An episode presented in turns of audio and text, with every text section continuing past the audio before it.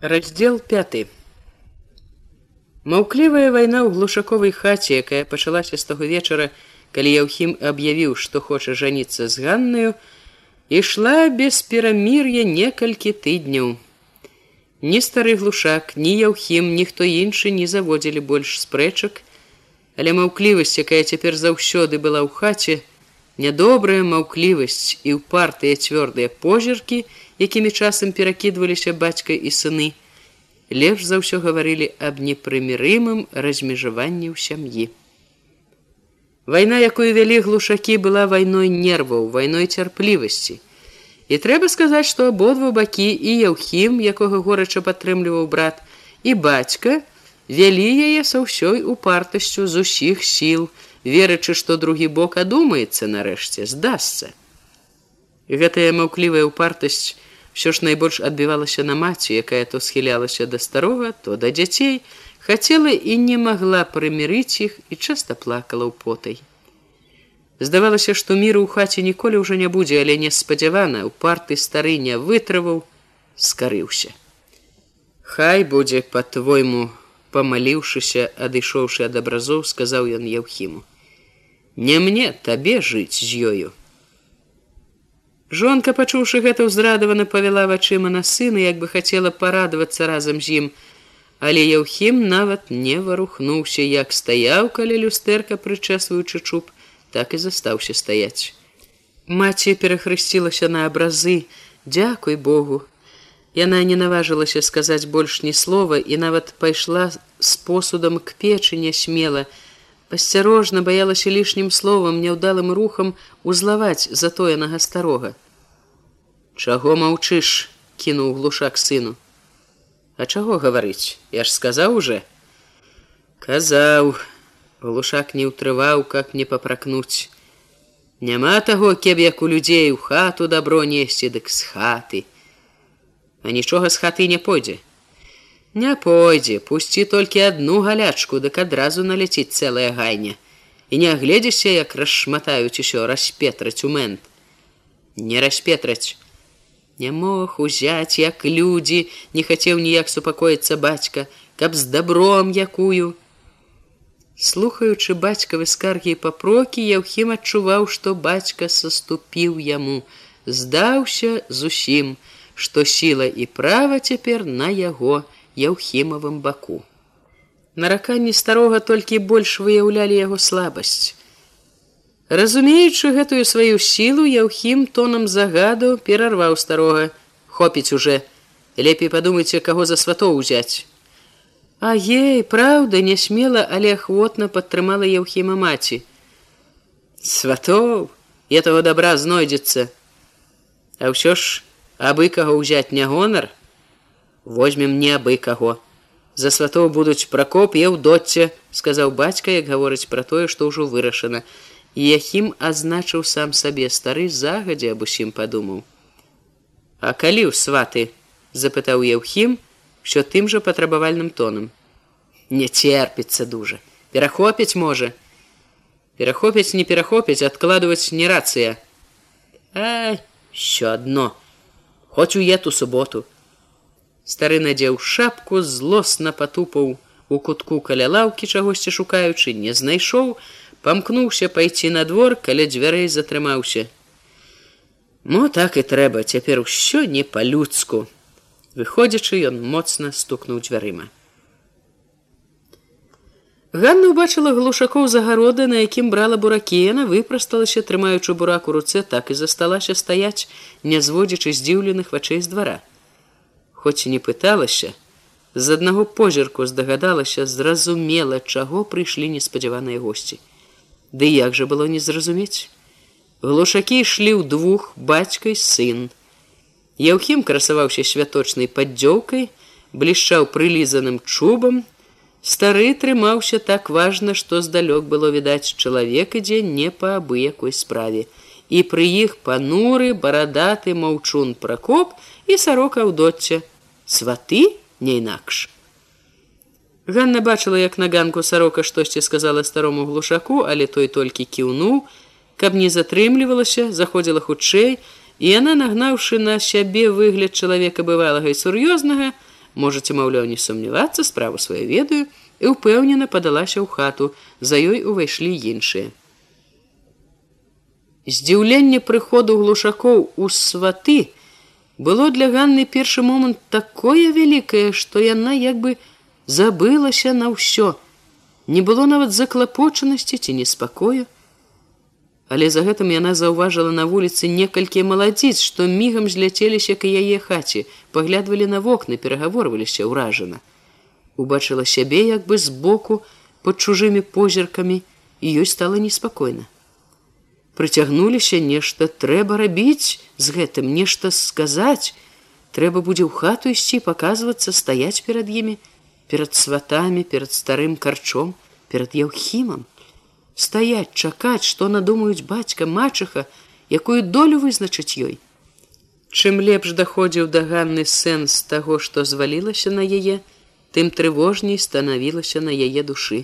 Клопат здаваўся ўсё больш важкім все больш грозным яна не толькі не хацела гэтага неспадзяванага сватаўства ёй цяпер было страшна падумаць пра замужжа з яўхімам якога яна пасля здарэння ў лесе хоць ні за што не показала б яму дзіўна баялася. Яе асабліва трывожыла тое, што глушакі сваты былі неабыякія. Ім не так проста даць гарбуз, паказаць, як ісці туды, адкуль прыйшлі ні з чым. З карчамі ў куранях усе лічыліся і бацькай матчыха таксама. Як жа адступіцца ад гэтых сватоў, ад бяды гэтай, каб бацька зразумеў, ухваліў яе, каб матчыха не асудзіла. Захопленая думкамі трывогамі, узрушаная невядомасцю, якая прыйшла к ёй разам з карчамі, Ганна ўсё стаяла на агародзе, апусціўшы руки з закасанымі рукавамі, не выпускаючы бурака. Яна ўбачыла, што з хаты выйшаў, ідзе да яе бацька, мімаволі азірнулася ў той бок, дзе жыў Васіль, на той час здалося забыла абразлівую спрэчку готова была дараваць усё. Таким любым побачыла раптам бераг ад якога адрывала несла яе кудысьці злая плынь. Вечары з туманам на балоце вільготны плот нецярплівае цяпло яго абдымкаў але на васілёвым селішчы нікога не было бацька падышоў ціхі разгублены хвіліну маўчаў не ведаў як пачаць. Кінь буракіды прыбярыся. Сваты там! Ён не адразу дадаў корч і яго яўхім Ганна не адказала. Бацька паглядзеў на яе з любоўю са шкадаваннем уздыхнуў сядзяць за сталом цябе ждуць. Ён гаварыў так што было чуваць шкадуе яе і спачувае але не ведае што параіць як памагчы. Ліха ж яго ведае што прынясе дацэ гэтае багацейскае сваяцтва пра якое не думалі і не гадалі як яно там будзе у іх карчоўскіх хлопцаў. На добро на шчасце ці на паганыя не хачу я шчыра сказала Ганна баішся? Не хачу. Не хачу ісці. От припи пёрлася яно як бы сам сабе раздумліва прамовіў бацька. І каб хто другі а то ж карчы. Ганна якая заўсёды так добра чула бацькаў настрой заўважыла за клопатным роздумам пра яе таілася ў бацьку ганарліва задаволеная думка. Завіталі кланяюцца просяць багацеі ёсць значыцца і ў яго скарбы не горшыя за кублы карчовы.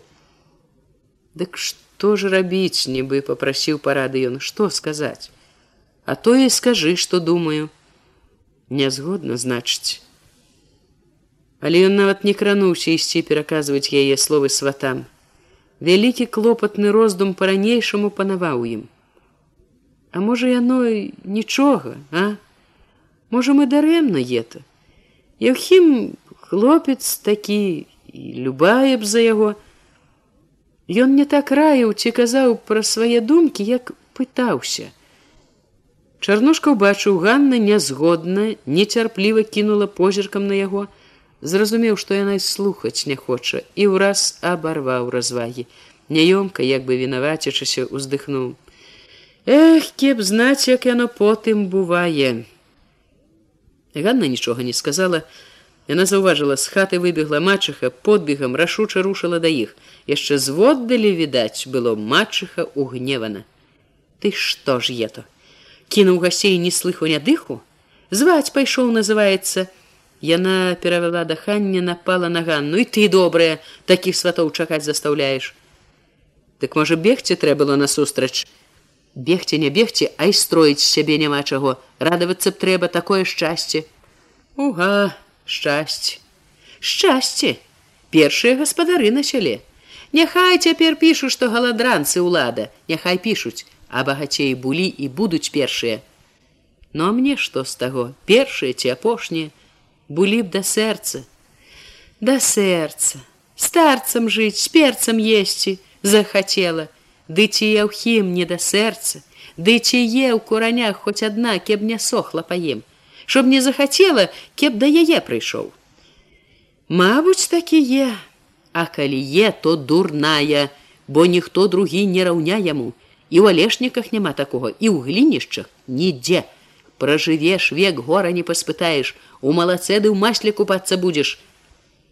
Ганна адчувала, як гарачы шэпт мачыхі гоніць бацькавай нерашучасці, сумненні, старая добра ведала што трэба рабіць цяпер ведала нават што і як будзе заўтра. Ты от не любіш калі я пра дзятліка хожу дак я не буду. Толькі от скажу калі на тое выйдзе калі ён і правядзе сватоў і ты пойдзеш за яго ўсё адно шчасця не бачыць табе. Не будзе яго. А вы ўсё наперад знаеце. Не будзе. От памянеш маё слово і сама б знаць павінна наступала мачыха не перадухаючы і не даючы запярэчыць ганні што яму беднаце горкай трэба найперш?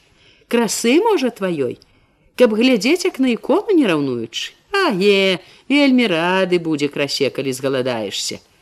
Скрыню добрую от і ўся краса якая трэба яму І ўсё вы знаете, сказала Ганна з пагардай, стараючыся не паддавацца ўгавору мачхі, ведала, як многа ў яе словах праўды. А то можа не. Адразу рынулася зноў у наступ мачыха. Можа не, можа па красе тваёй сохне. Чаго ж он тады круціць пачаў? Тот двара нашага не адыходзіў воч не спушчаў, а то і глядзець уже не глядзець, за вярсту адбягае. Мачыха заўважыла, як пры гэтых словах, нядобра пацямнеў ганнін твар. Дайшло такі ў самае сэрца трапіла. Спалохана баючыся лішне разлаваць перамяніла гаворку прамовіла супакойліва. Ну добра добра ну не буду калі не даспадобы пра нас пра бацьку падумала б. Як яму дажываць веку нішчымніцы? Не малады ўжо не тыя часы калі рабіць мог ні дня ні ночы не чуючы. Пакосіць сена да паўдня дык спіна крукам тыдзень потым стогне. Сноп навілы пад імі руки як галінкі сухія дрыжаць. Скоро ўжо і саўсім на печ ляжа. Хто скарынку падаць старому? Бацька адгукнуўся з папрокам. Ну вот бо завяла. Завяла праўду кажу. І пра браціка пра хвечку не грэх падумаць. Що ж такі не чужы табе бацькава кроў родная? Дзяліць калі што якое прымак там ці хто прыстане няма з чаго.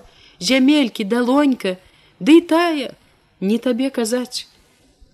Мачыха не дакончыла, губы яе горка скрывіліся.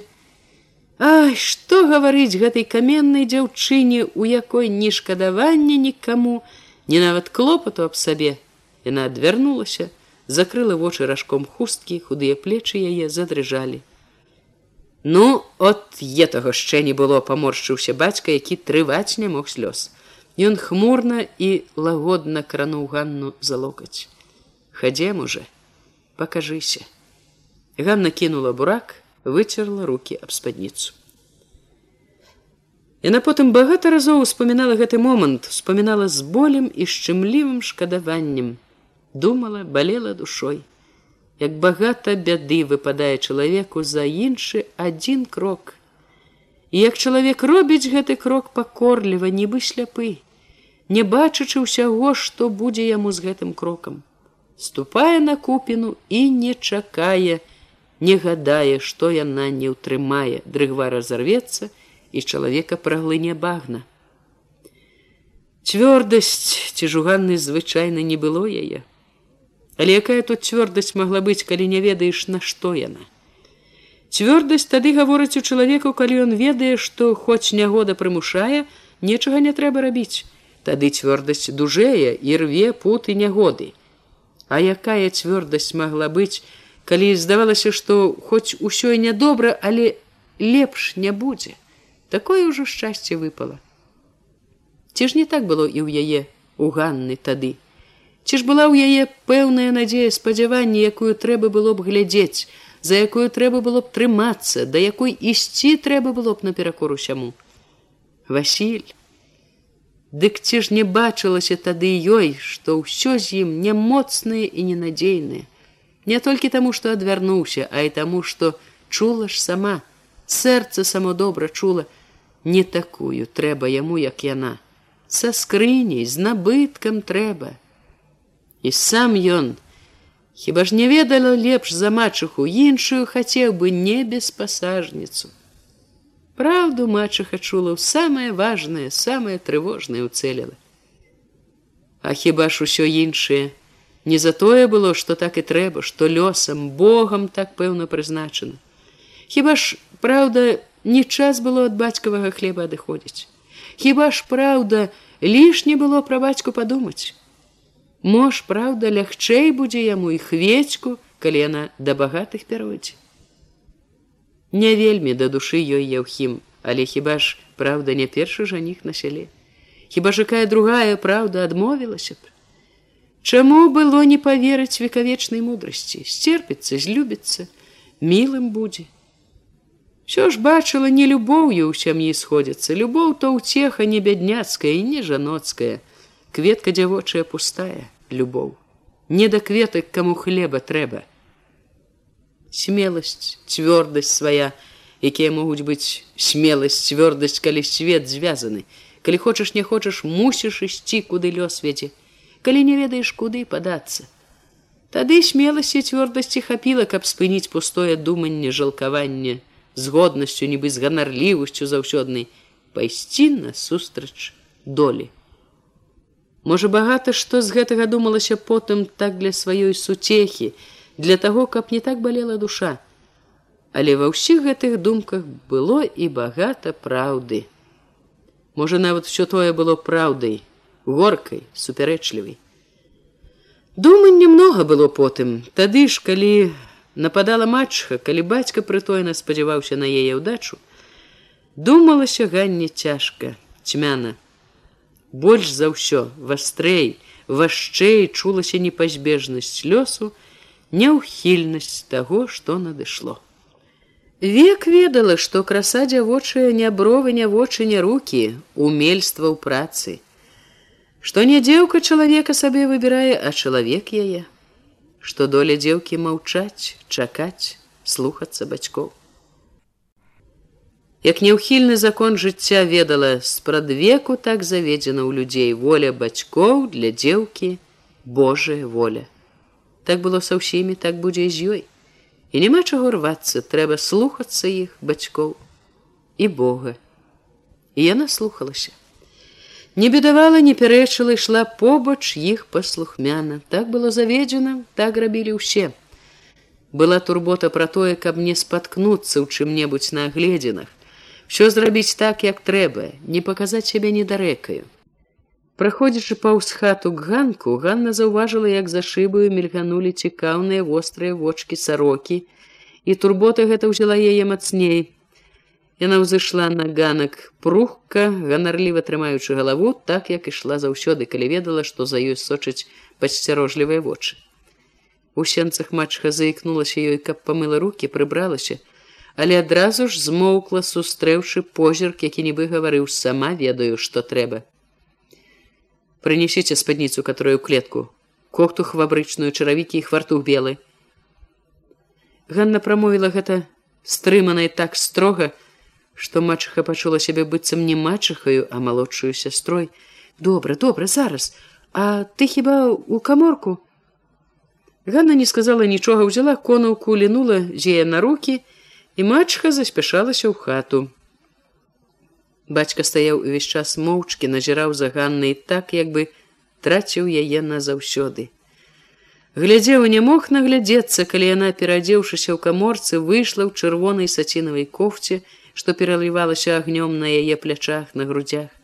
У белым фартуху, у высока зашнураваных хромавых чаравіках, у якіх хадзіла нябожчыца маці, калі чарнушка ўбачыў яе прыбраную, стройную, дужую, чарнабровую красуню, сумны твар яго мімаволі асвятліўся захапленнем. Рыхтуючыся развітацца, страціць ён нібы ўпершыню бачыў яе ва ўсім харастве і захапленне і гордасць за яе на момант запоўнілі яго душу выгналі все іншыя пачуцці. Як мак як мака ў цвет чыстая матка падумаў ён радасна. Губы яго раптам таргануліся болем вочы заморгалі ён успомніў нябожчыцу маладую іх сустрэчу незабыўны даскону вішаннік. Чарнушка абняў дачку і квола хліпнуўшы сказаў: « Дай Божа табе. Вслед за ім расчулена хліпнула мачаха, шмарганула носам: ідзі, чакаюць. Лецяны ўвайшлі ў хату, сарока ўскочыла, закруцілася, засакатала: Ай, прыйшла гуска, даждаўся гусачок малады, час залаты. Круціў галоўкай, гусачку выглядаў, баяцца пачаў няма і няма, а яна от і паявілася, і хата засвяцілася. Не ждалі, сказала мачха, Ганначка акурат буракі брала. Сарока абышла, гледзела, абмацала вочкамі Ганну з усіх бакоў, падалася к сталу, за якім сядзелі яўхім, стары глушак і чорны зарослы як лясун пракоп. Не ждалі, значыць, не зналі, не гадалі, з якога боку гусачок прыйдзе па гуску дружку, з якога боку прыплыве шчасце багацця, а яно от не з-за поля далёкага, не з-за лесу высокага ад свайго сяла, Прыйшоў малады хлапец, добры купец. Сарока сыплючы словамі страляла вочкамі то на аднаго, то на другога, а найчасцей на старога глушака, як бы чакала ўхвалы свайму красамоўству, свайму спрыту. Але глушак, здавалася, не чуў і не бачыў яе маўклівы, затоены, Стары корч праз акуляры з вяровачкай зачэпленай за вуха замест дужкі важка разглядваў ганну. Ганне ад яго партага незразумелага позірку было няёмка. Ваш тавар наш купец прабурчаў пракоп, абводзячы панурымі вачыма з-пад чорна навіслых броваў пірог і пляшку, якія былі ўжо на стале. Купец усім купцам, купец сам малады чуб залаты, добра поўныя клеці лепшы на ўсім свеце. Купца не ганем, сказаў бацька, толькі дзеўка гадамі яшчэ не ў пары, пагуляць бы яшчэ трэба. А што з той гульбы ад гульбы конь псуецца так і дзеўка. Сямнаццаць гадкоў усяго. Самы час, самы лепшы квас, а то пераспее, закішне, стане ўсім ненавісна, стане як тая макуха, будзе векавуха, шкадаваць будзе. Бацьку матку клясці, што не далі замуж пайсці, жаніх бо які, што ўродай, што славай, што красой, што справай. Ну, наша таксама дзякуй Богу, уступіўся за ганну бацька і старанныя і разумныя слухмяныя адразу падтрымала яго мачыха і з твару другую такую пашукаць. Хай хоць хто скажа нічым не абдзяліў Божа. А я ўхім хіба сказаць не першы хлопец на ўсе курані? І да ўсяго дастатак. Пойдзе которая не нахваліцца на долю і паесць і пап'е ў волю. Наша канешне небагатая адгукнуўся быў бацька але мачыха не дала яму дагаварыць кінулася сама ў наступ небагатыя, затое з руками, лішнім ротам не будзе, як которая з поўнай скрыні, і зварыць, і спячэ, і сарочку чалавеку па шые, і свінчай дзіця дагледзець, вішчаць ад голаду не будуць. Дай Бог бо ў нашага купца добра без канца, і свінні парасяты, авечкі ягняты, і гумно і клець абы паспець. Чаго тут мянціць попусту? Уступіў стары глушак нецярпліва, скрыпуча, знаем усё і мы і яны недалёкія адным словом пірог бярэце стары павёў акулярамі на мачыху на бацьку ганны не запытаўся. Мачыха помаўчала для прыліку трохі як бы разважаючы ды мы што ж мы не супроціў калі яно ўжо на тое. Ганначка ну пакланіся уже сватам возьми пірага Назаўтра ў нядзелю былі змовены Глушакі, дзядзькі, цёткі глушакоў пілі ў цеснай чарнушкавай хаце самагонку, елі так управна, што наганялі на мачыху страх, бязладнай голаснага манілі. За шыбамі вокон, плюшчачы насы ціснуліся дзеці, туліліся цікаўныя дарослыя. Ганна раз-пораз азіралася на іх. Ёй было не ў ахвоту гэтае здавалася доўгае гулянне, яна мімаволі чакала, калі ўсё гэта скончыцца ў візгасты невясцёлы цягучы тлум. Калі ў хаце нарэшце стала цішэй і шырэй і засталіся толькі сваты і бацькі, пачалі дамаўляцца цераз які час гуляць вяселле. Ганнін бацька казаў не спяшацца, прасіў адкласці тыдні на два-тры, а сваты глушакоў даводзілі, што адклад нядзе ў лад дабіваліся, каб зрабіць вяселле адразу ў наступную нядзелю. Стары глушак пры гэтым амаль увесь час маўчаў, Ён таксама быў за тое, каб не спяшацца асабліва, але нічым не паказваў чарнушкам сваю волю, гуляць вяселле не адкладваючы, настойваў яўхім.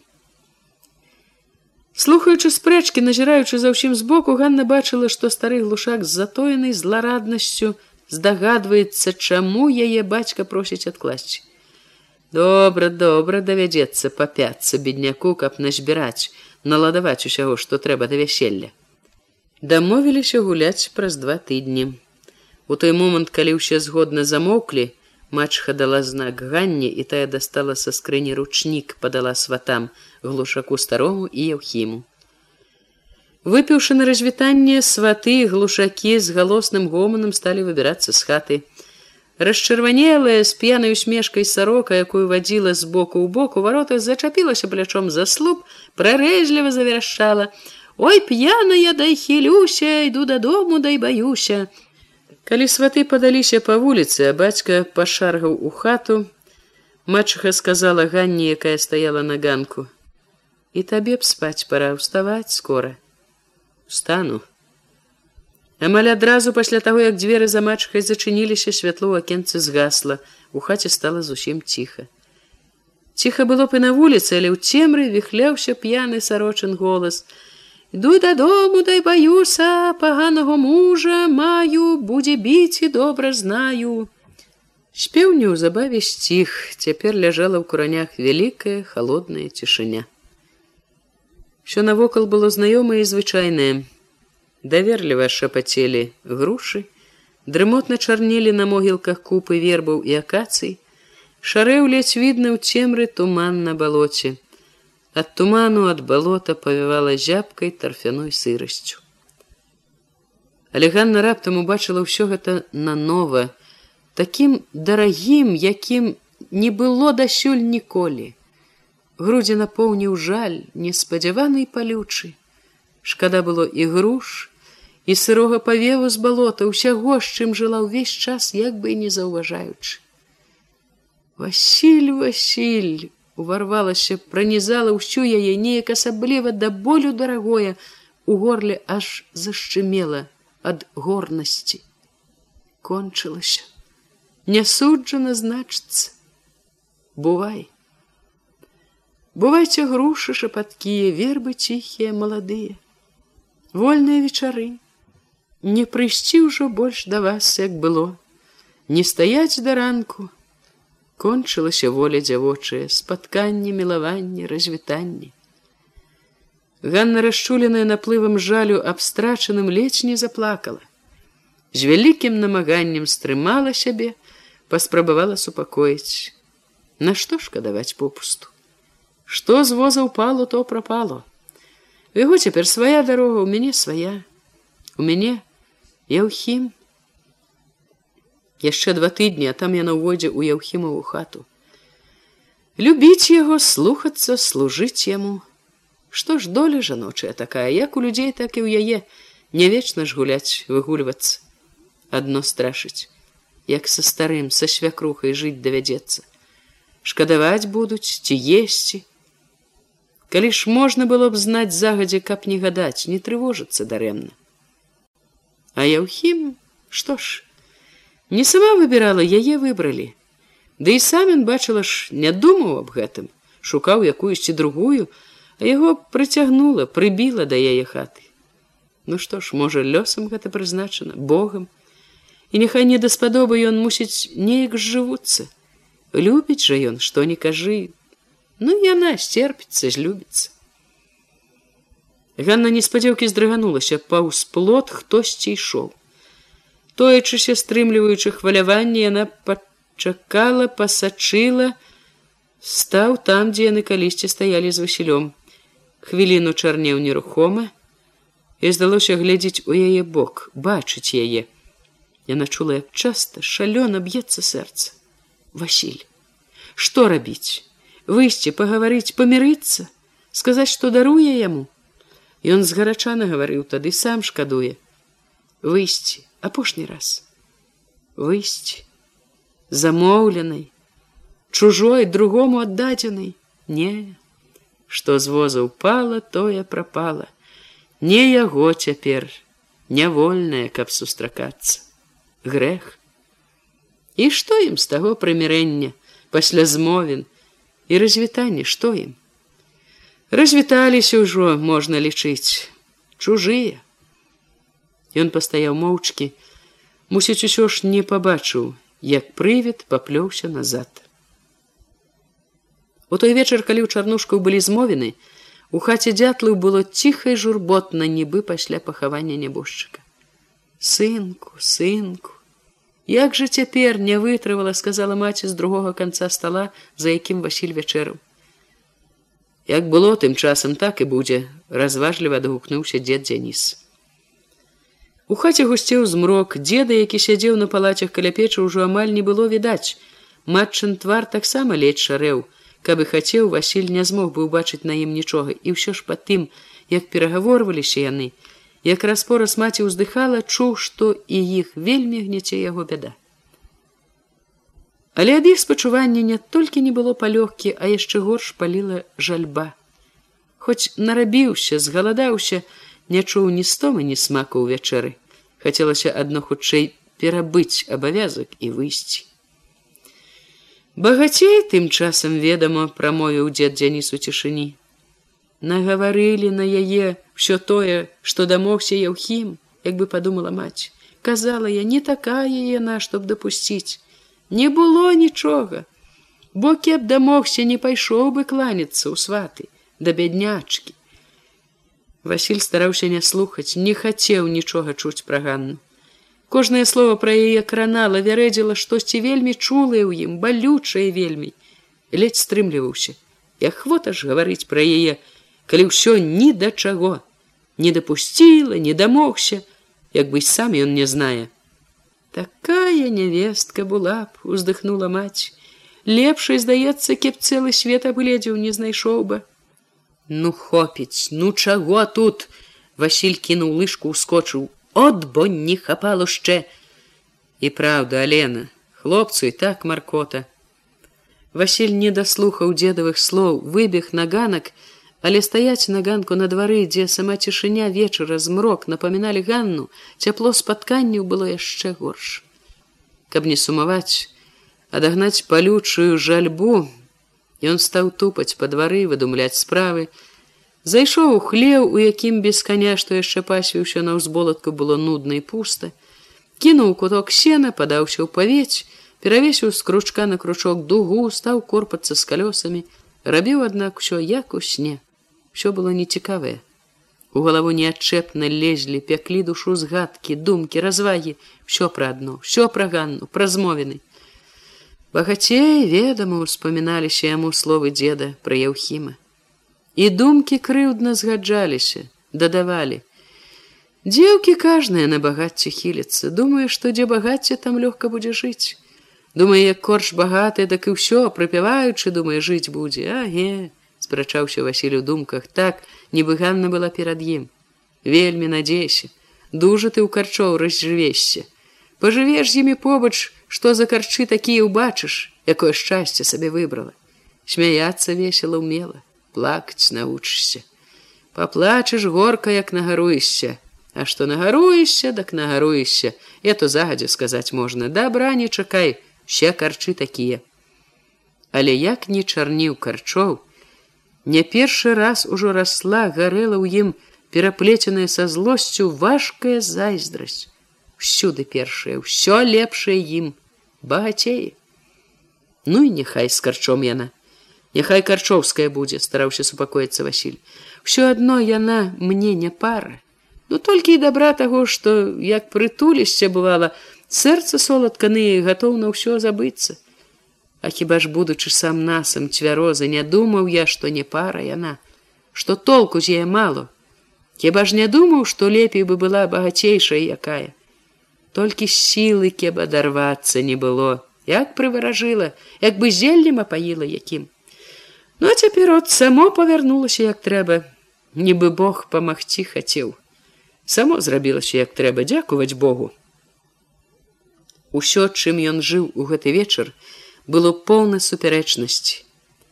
Думкі перабівалі адна адну, спрачаліся, жаданні таксама змяняліся непаслядоўна, супярэчліва. Учынкі не хацелі слухацца разваг. У той самы час, калі ён ужо амаль пераканаў сябе, што шкадаваць абганне няма чаго, што трэба толькі дзякаваць Богу за тое, што так разумна зрабілася. Васіль сам не ведаючы чаму і як забрыў к чарнушкаваму селішчу. К таму плоту, дзе столькі вечароў і начэй стаяў, мілаваўся з ганнай. Як не гнаў, не адыходзіла неадольная, заваблівая надзея. А можа яна там чакае. Але яе не было. Ля знаёмага плота здалося, было так пуста і так сумна, што крыўда і гора ў момант затапілі ўсе развагі. Ён аж разгубіўся ад наплыву гэтых бязлітасных пякучых бясконцах і бязмерных крыўды і горы. Іх ён і панёс з сабою ад плота, той сцежкаю, якой столькі разоў насіў радасць. Ніколі яшчэ не чуў ён сябе такім няшчасным, ні тады, калі ронова ў ганну да яўхіма, ні тады, калі паеру ў плётку пра яе, тады ён мог ненавідзець яе пагарджаць ёю. Цяпер было яму толькі шкадаваць.